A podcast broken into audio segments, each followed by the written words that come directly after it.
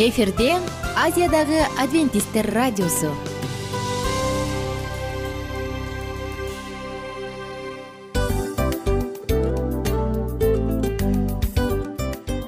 Достор салют.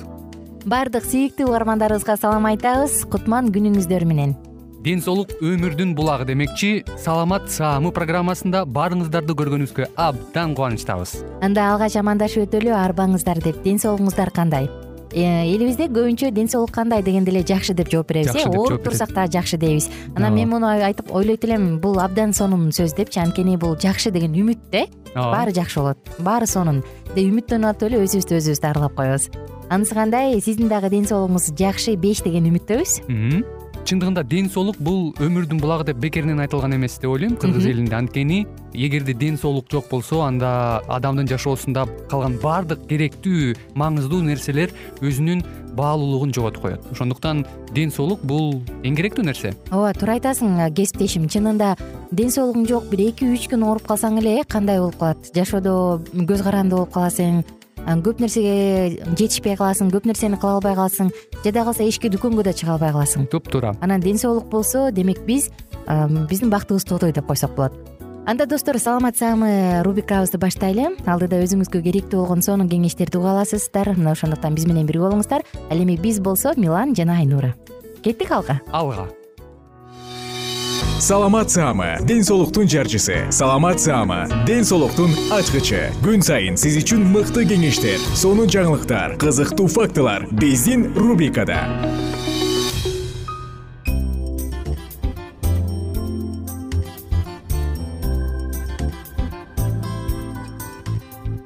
Салам достор кутман күнүңүздөр менен. Кадырлуу замандаштар жалпыңыздар менен амандашып кайрадан. Саламат саама рубрикасындабыз жана бүгүнкү тема астма деп аталат астма оорусу барларды көп эле көрсөк керек. Кышылдап оозуна ушундай бир атайын дем алдырууну жеңилдете турган аппарат менен оозуна сээп дарыларды ичип кыйналып келген адамдарды көрүп боорубуз ооруса керек. Же мүмкүн угармандарыбыздын кимдир кайсы бирлеринде бул оору бардыр. Айтор кандай гана болбосун албетте биринчи эле биздин каалаганыбыз ден соолук жана бүгүнкү тема астмага арналмакчы. Достор негизи астма деген бул эмне деген оору? Бронхтордун тагыраак айтканда өпкөдөгү жумшак түтүктүн астмасы жалпак тил менен айтканда демдин кысылышы оорулошу дегенди түшүндүрөт. Оолуруу дем алуу жолдорунун сезгенүүсүнөн келип чыгат. Бул аллергиядан көбүнчө эмнеден пайда болот? Астма оорусун жалпысынан аллергиялык оору деп айтууга дагы болот. Ал эми аллергия тукум куушу мүмкүн. Ошондой эле илдетке айланадагы чаң жаныбар куш канаттуунун жүнү кене грибок көк басуу химиялык жана уулуу заттар кир экология тамеки тартуу стресс айрым дары дармек өзгөчө аспирин инфекциялар жана башка заттар себепкер боло алат. Адатта астма менен жабыркаган адамдын дем алуу жолдору абдан сезимтал келип түтүн ыштын жытынан аба ырайы өзгөргөндө айрым тамак аш кескин жыт тараганда деми кысылып дем алуусу оорулойт. Мындай учурда адамдын бронхторунун каптал булчуңдары жыйрылат дагы дем алуу жолу ичкерет. Ошол жердеги ткандар шишип ал жерде былжыр жана какырык көбөйөт ошол учурда бронхтордун көлөмү кичирейип аба өтпөй дем алуусу оорлоп жөтөлүп көкүрөк кышылдап алсырап акыбалы начарлайт. Мына ушундай достор. Эми жалпысынан астманы бизде кандай дарылашат өпкөнүн иштеши спирометрия аппараты менен текшерилет. Бронхиалдык астма өнөкөт оору болгондуктан бир аталуу айыктырууга мүмкүн эмес. Бирок дарылоо менен аны көзөмөлдөгөнгө кезеги менен кармай калуусун толук токтотуп же аз кармоосуна жеткиргенге мүмкүн ооруну өтүштүрүп жибербей кармап турууга дагы болот. Илдет менен күрөшүүдө дарыгер тарабынан дары дармек сунушталат ошондой эле бронхту кеңейтүүчү каражаттар дагы колдонулуп келет. Тилекке каршы азыркы учурда бул нерсенин даарысы кымбат экен. Мен бир апанын сээп жүргөнүн көрүп аябай боорум ооруган кышылдап дем ала албай баратканда баягы аппарат менен сээп сээп анан эс алып калат экен медицина жаатындагы кыргызстандык окумуштуулар астманы бийик тоодогу климатты колдонуп дарылап келишет көбүнчө. Мындай дарылоо жолдун өнүгүүсүнө академик мирсаид мирахимов профессор нурлан биримкулов мен жана акбай сарыбаев жана башкалар салым кошкон. Таластагы түбү ашууда улуттук кардиология жана терапия борборунун ооруканасы бар. Ал жерге кыргызстандын гана эмес чет өлкөдөн дагы бейтаптар келип дарыланып кетишет дарыгер эмнени сунуштайт мындай учурда? Аллергиясы барлар аллергендер себеп боло турчу менен байланышта болбошу керек. Ички сырткы гигиенаны сакташ керек. Аллергия чакыра турчу тамактарды мүнөздөп ичиш керек. Жашаган жердин үйдүн ичиндеги аба таза болушу керек. Бөлмөнүн ички күнүнө эки жолу желдетип жыйырма жыйырма эки градус жылуулукта кармаш керек. Бейтап жанында ар дайым дарыгер жазып берген дары дармегин ала жүрүшү зарыл. Жана дарт курч мүнөздө болсо бейтапканага келип дарылануу оң эми болсо бүгүн астмага каршы астмага каршы деп аталган смузинин рецепти менен бөлүшөлү. Элестетиңерчи мөмө жемиштин баардык түрү. Өзгөчө алма бананды күн сайын колдонуп туруп жок дегенде бир даанадан астманын өөрчүүсүн алдын алат.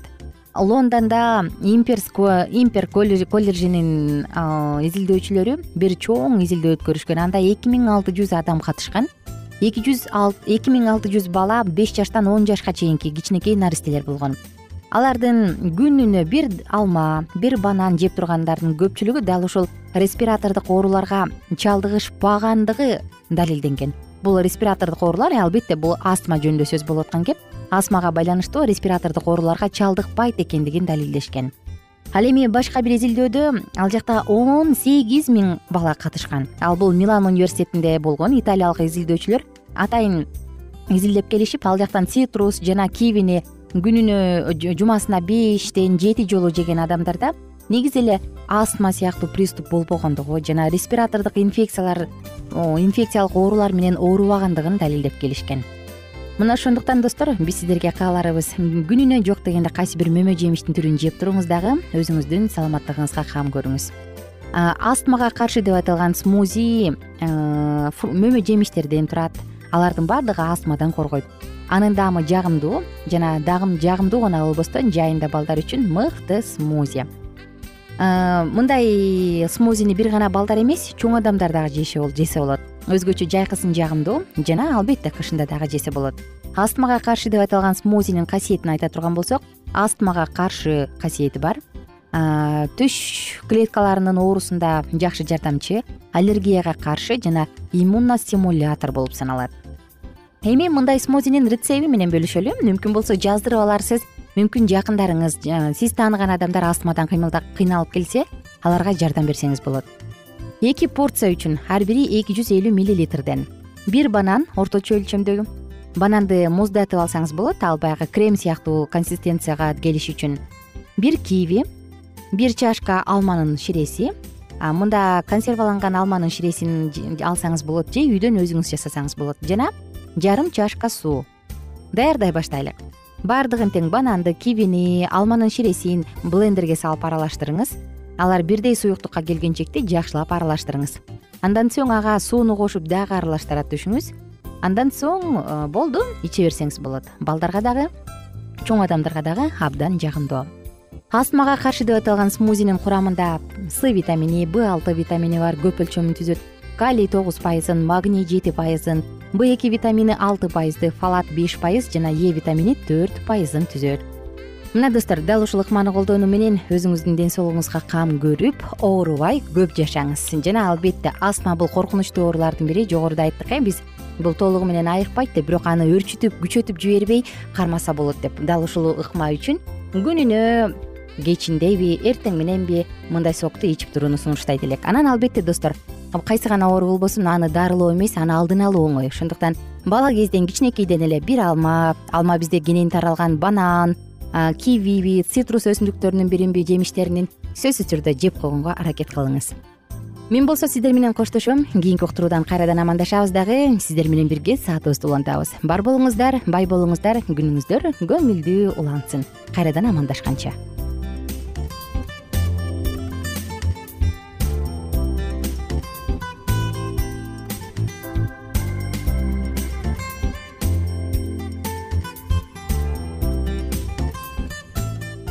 кененирээк маалыматтар үчүн үч w чекит саламат чекит клуб сайтына келип таанышыңыздар. Жана андан тышкары социалдык тармактарда youtube facebook жана instagram баракчаларына катталыңыз. Саламат саама ден соолуктун жарчысы. Саламат саама ден соолуктун ачкычы. Күн сайын сиз үчүн мыкты кеңештер сонун жаңылыктар кызыктуу фактылар биздин рубрикада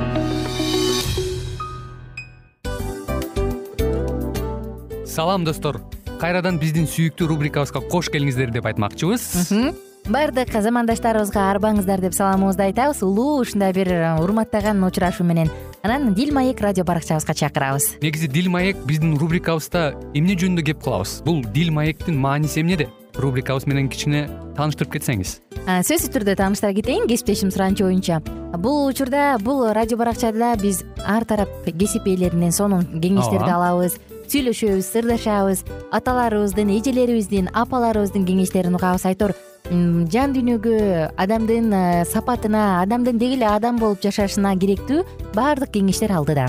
Негизи э, дил маек дегенде баягы эки адамдын ортосундагы сырдашуу кенен сүйлөшүү. Негизи эле биз адамдар бири бирибиз менен бир жерге жай жерге отуруп алып өзүнчө тынч э, жашоо жөнүндө өмүрүбүздө эмне болуп атканын бөлүшкөнү жакшы көрөбүз э адамдар. Ооба туура айтасың анан мындай учурга кээде убакыт да жетпей келет э. Же болбосо сырыңды кайгыңды муңуңду кубанычыңды айткың келет адамга ишенбешиң мүмкүн. Ооба. А бул радио баракча угармандарыбыздын чыныгы досу. Анткени бизден алган кеңеш сиздин жашооңузга чоң жардам берет. Ал эми сиздин бизге айта турган сөзүңүз ортодо гана сыр бойдон калат. Ошондуктан биздин дил маек рубрикабызга дагы бир жолу кош келиңиздер. Жана биз даярдаган маалыматтарга даяр болуңуздар. Айнура жана милан сиздер менен бирге алдыга кеттик ар түрдүү ардактуу кесип ээлеринен. Алтын сөздөр жүрөк ачышкан сыр чачышкан сонун маек. Дил маек рубрикасында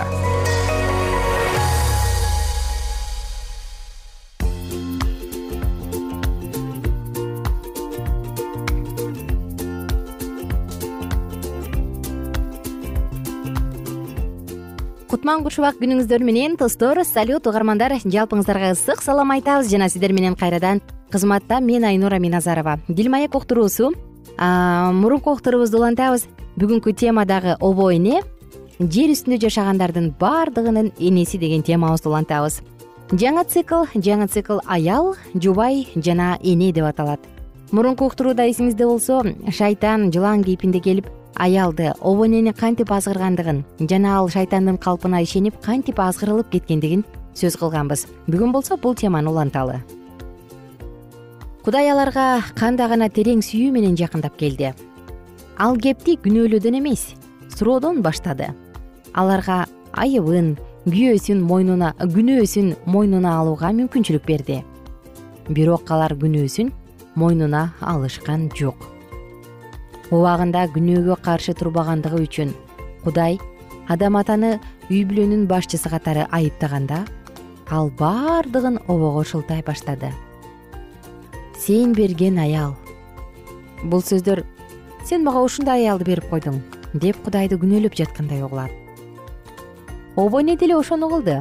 Ал күнөөнүн баарын жылаанга шылтады эгерде обо эне чынчыл болсо жыландын кеңешин өз эрки менен угуп аткаргандыгын чын жүрөктөн мойнуна албайт беле. Жыландын азгыргандыгы чын бирок күнөөнү ал өз эрки менен кылды. Ал биринчи эле сыноодо жеңилип калды. Андан бир гана нерсе талап кылынмак. Ал өзүнүн кудай жараткан пенде экенин сезип ага жан дили менен моюн сунушу керек эле кудай менен сүйлөшүүдө анын өтө оор күнөөсүнүн бети ачылды. Көркөмү көз тайылткан эйден багы эле эмес. Бүт жер жүзү каргышка калды. Мурда отоо чөптүн эмне экенин билбеген топуракка тикенектер отоо чөптөр өсүп чыкты. Адамдар бийлик кылган жаныбарлар дүйнөсү да жазага дуушар болушту. Жапжашыл жайытта кашкыр менен козу эми мурункудай чогуу жүрө албайт жеңүүчүнүн күчү бийлик кылат. Адам менен обо дайыма бакубат жашап келген бейиш көз ирмемде алар үчүн колдон учкан бейиш болуп калды. Алар бейиштен тезинен чыгып кетүүгө аргасыз болушту. Болбосо күнөөкөр болуп туруп өмүр дарагынын жемишинен жеп алып түбөлүккө күнөөкөр абалда калышмак. Эң акыркы болуп жаратылган жаратуу чынжырынын акыркы звеносу болгон обо тил албастыгынын айынан адамдарды өзү менен адам атаны эле эмес өздөрүнөн кийин жашай турган баардык муундагы баардык адамдарды бактысынан ажыратты. Келечек күңүрт жана коркунучтуу көрүнөт. Кудай менен болгон мамилесин үзгөндөн кийин адам баарын талкалады. Кыйынчылык жана оору обонун энелик кубанычын кайгыга айлантты күнөөгө батуунун айынан күйөөсү ага үстөмдүк кыла баштады ошол учурдан тарта ал аялынын кам көрүүчүсү болду. Алар күнөөгө батаары менен өлүп калышкан жок бирок дүйнөгө өлүм кирди. Өлүм чындыкка сөзсүз башка келиши керек болгон чындыкка айланды. Адамдардын өмүрү өлүм менен бүтө турган болду. Дененин өлүмүнөн да жаман рухий өлүм алардын кудайдан ажырашы болду. Ал дароо билинди оба эне муну сезип жан дүйнөсүнүн тереңинен сарсанаа болуп жатты. Тунуулук кабылды төрөп колуна алганда кош бойлуу учурундагы кыйынчылыктары жалгыздыктын азабы артта калды. Ал жер үстүндөгү эң алгачкы аял эле. Сезимдерин бөлүшөр эч кимиси жок болчу. Анткени анын энеси да эже сиңдиси да курбусу да жок эле. Кеп кеңешин айтып жардам бере турган төрөп жатканда жардам берген бир да аял жок эле өзү эч качан наристе болбой туруп эне болуу өзгөчө абал болсо керек. Ушундай шартта анын кудайга кайтып келип жатканы таң калыштуубу ал теңирдин жардамы менен уулду болдум деп баласын канааттана карап турду. Кандай кайгыда болбосун жарыктын шооласы болот. Адам менен обо кылган күнөө үчүн кудай ал экөөнү эле жазалаган эмес баарынан көбүрөөк жылаан жазаланган ал обонун тукумдарынын бири тарабынан жок кылына турган болду. Обо колундагы баланын убадаланган машаяк экенине үмүттөндү болду бекен эмнеси болсо да обо иш жүзүндө көрүнгөн ишенимди чагылдырат. Бул адам күнөөгө канчалык малынса да кудайга кайтып келүүгө боло тургандыгына болгон ишеним. Адам үмүтү үзүлгөнчө көңүлү калганына карабастан кудайга кайрылууга чечим чыгарса кудай адамга жаңы мүмкүнчүлүктөрдү берерине үмүттөнүп жатат. Обо эржеткен кабылды карап туруп өзүнүн күнөөкөр адам төрөгөнүн көрүп жүрөгү сыздады. Ошол уулу бир тууганын өлтүрүп тынды. Ошондо гана ал өзүнүн кылган күнөөсүнүн оор натыйжаларын толук сезди. Ал өзүнөн тараган ар бир адамга өлүмдү рухий жана денелик өлүмдү берүүгө тийиш болду. Бир дагы адам бир кезде обо жашагандай күнөөсүз жашай албайт. Ар бир адам күнөө кетирет. Өз каалоосу менен эле эмес ички аргасыздыктан улам да күнөө кетирет. Ар бир адамдын ичинде жакшылык менен жамандыктын ортосунда күрөш туруп турат. Анткени ал күнөөсү кудайдан алыстаткан күнөөкөр адам. Шайтан анын кумарлары менен жаман каалоолорун уламдан улам ойготуп турат. Ал адамды өзүнүн жайган торуна алдап ээрчитип келип күнөөгө түртүүгө аракет кыла берет. Денелик каалоолорго орун берген сайын күнөө кылабыз. Күнөө менен кошо өлүм келет обонун мураскорлору болгон ысрайыл элине да көптөгөн кыйынчылыктарды баштан өткөрүүгө туура келет. Алардын бири катары ай шаарында көргөн кыйынчылыктарын алууга болот. Баардык муундагы адамдар обо сыяктуу эле көз кумарына жана турмуш тиричиликтеги текебердикке умтула турган болот. Шайтан ободой кылып ар бир адамды кудайга каршы багыттоого аракет кылат. Текебердигинин айынан өзү кандай жыгылса так ошондой кылып адамды жыгыш үчүн нааразаланууга козгочоң козголоң чыгарууга күктөт күнөөнүн артынан көз жаш өкүнүч кайгы келет. Булар ыйса машаяк өз падышачылыгынын калыбына келтирип жаңы асман жаңы жер жаратылгандан кийин гана биротоло жок болот. Ага чейин ар бир адам күнөөнүн азабын тартат. Ар бир адам обо кылган күнөөнү кайталоодон сак болушу керек. Обо өзүн кудайдын сөзүнө жана сүйүүсүнө шектендирүүгө шайтанга жол берип койгондугу үчүн дүйнөгө күнөөкер достор биз сиздер менен кийинки уктуруудан кайрадан амандашып саатыбызды улантабыз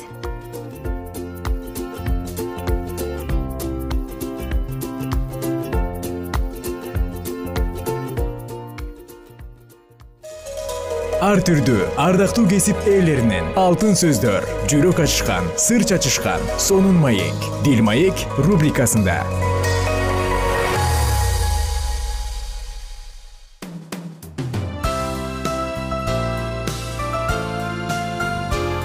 эфирде азиядагы адвентисттер радиосу.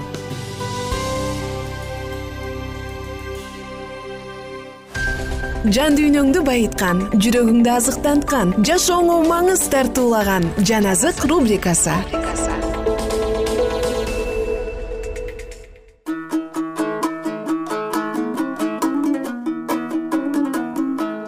кадырлуу замандаштар биздин сүйүктүү угармандарыбыз жалпы угармандарга ысык салам айтабыз. Жана жалпыңыздарды жан азык уктуруусуна кош келиңиздер деп чакырабыз.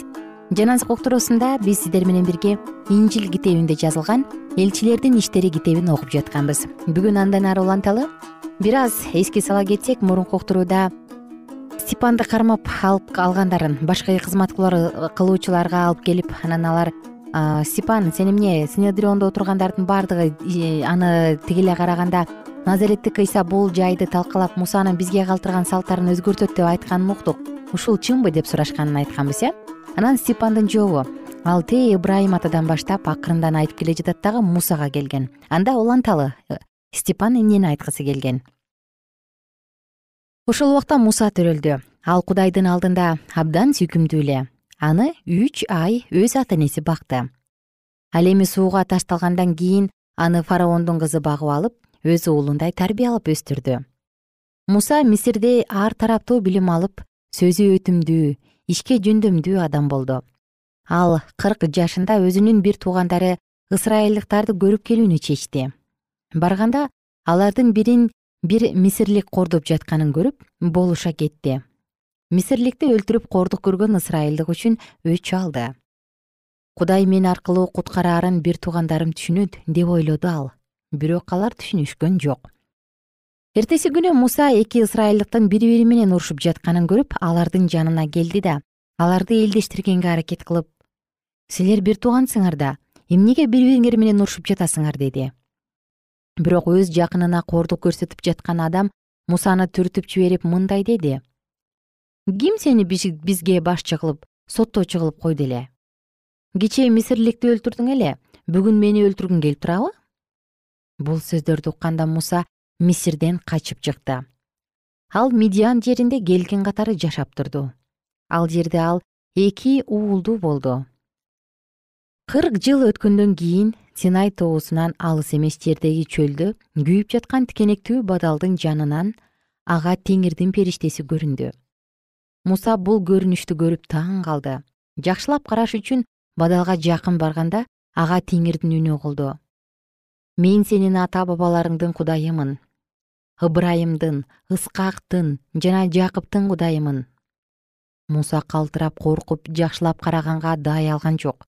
Ошондо теңир ага мындай деди. Бут кийимиңди чеч анткени сен турган жер ыйык жер мен мисирдеги элимдин тартып жаткан азабын көрүп онтогон үнүн угуп аларды куткарыш үчүн асмандан түшүп келдим. Ошондуктан баргын мен сени мисирге жиберемин. Ким сени бизге башчы жана соттоочу кылып койду? деген сөз менен четке кагылган ошол мусаны кудай тикендүү бадал ичинде көрүнгөн периште аркылуу башчы кылып куткаруучу кылып жиберди ошол муса мисир жеринде кызыл деңизде жана кырк жыл бою чөлдө кереметтерди ажайыптарды көрсөтүп аларды мисирден алып чыкты. Ошол муса ысрайыл уулдарына кудай өзүңөрдүн бир тууганыңардын ичинен мен сыяктуу бир пайгамбарды чыгарат ошону уккула деген. Синай тоосунда өзүнө сүйлөгөн периштенин сөздөрүн чөлдө чогулган ата бабаларыбызга айтып берген муса ошол. Ал бизге айтып бериш үчүн кудайдан тирүү сөздөрдү кабыл алган. Аталарыбыз ага баш ийүүнү каалашкан жок тескерисинче аны четке кагышты. Жүрөктөрүн мисирге буруп арунга бизди мисир жеринен алып чыккан муса деген неменин эмне болгонун билбейбиз. Ошондуктан бизди баштап жүрө турган кудайларды жасап бер дешти. Ошентип алар ошол күндөрү алтындан музоо жасап ошол жасалма кудайга курмандык чалып өз колдору менен жасалган иштеп кубанышты ошондо кудай алардан жүзүн буруп асман кошуундарына табынган аларды жайына койду бул тууралуу пайгамбарлар китебинде мындай деп жазылган. Ысрайыл эли кырк жыл ичинде чөлдө курмандыкка чалган малыңарды жана курмандыктарыңарды мага арнадыңар беле? Силер өзүңөр менен кошо малох кудайыңардын чатырын жана райпан деген жылдыз кудайыңарды алып жүрдүңөр.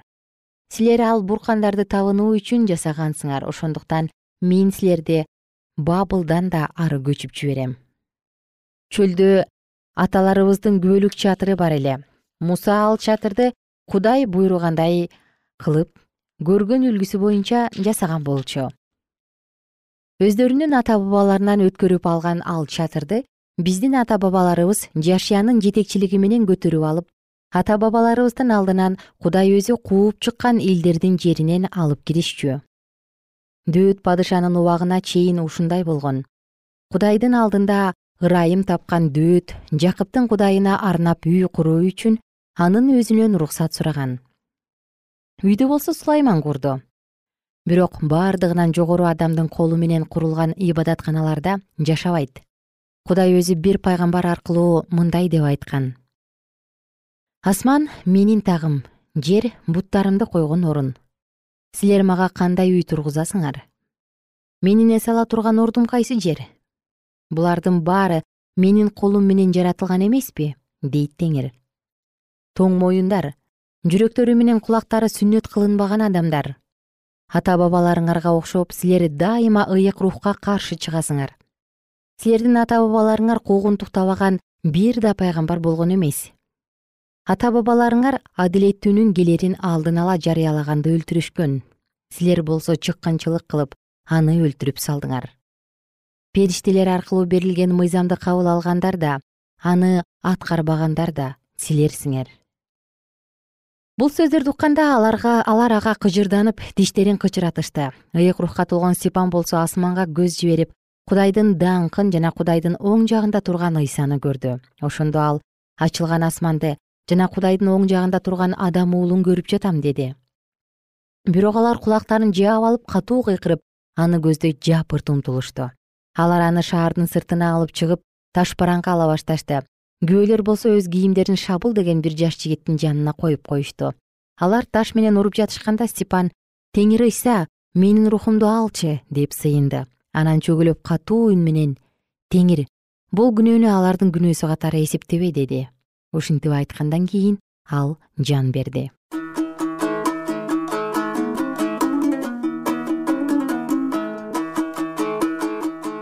достор биз окуяны андан ары эмне болгонун кийинки уктурууда бирге улантабыз.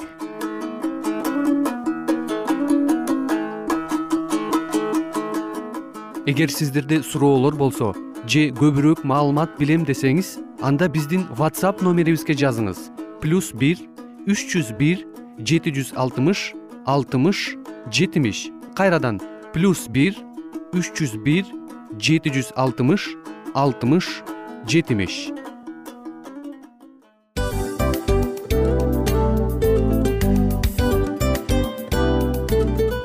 достор биздин радио баракчаларыбыз соңуна келди. Демек бул программабызды дагы жыйынтыктачу учур келдик. Учурга келдик. Анан кесиптешимден сурагым келип турат. Негизи эле иштин башталып атканы кубандырабы сени же жыйынтыгы кубандырабы?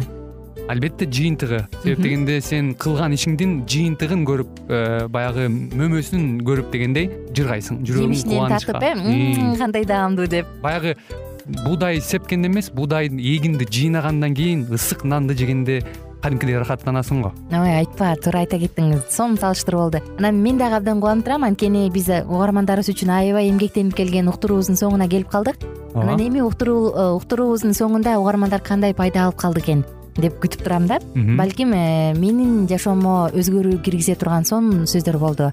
Мен ушул нерсени изилдеп анан кабыл албасам ушул нерсени кылбасам деген чечим чыгарсаңыз анда биз абдан кубанычтабыз. Сөзсүз түрдө андыктан кийинки биздин кызыктуу уктурууларыбыздан көрүшкөнчө сак саламатта калыңыздар. Чыдамсыздык менен сиздерди мен милан жана кесиптешим айнура күтөбүз.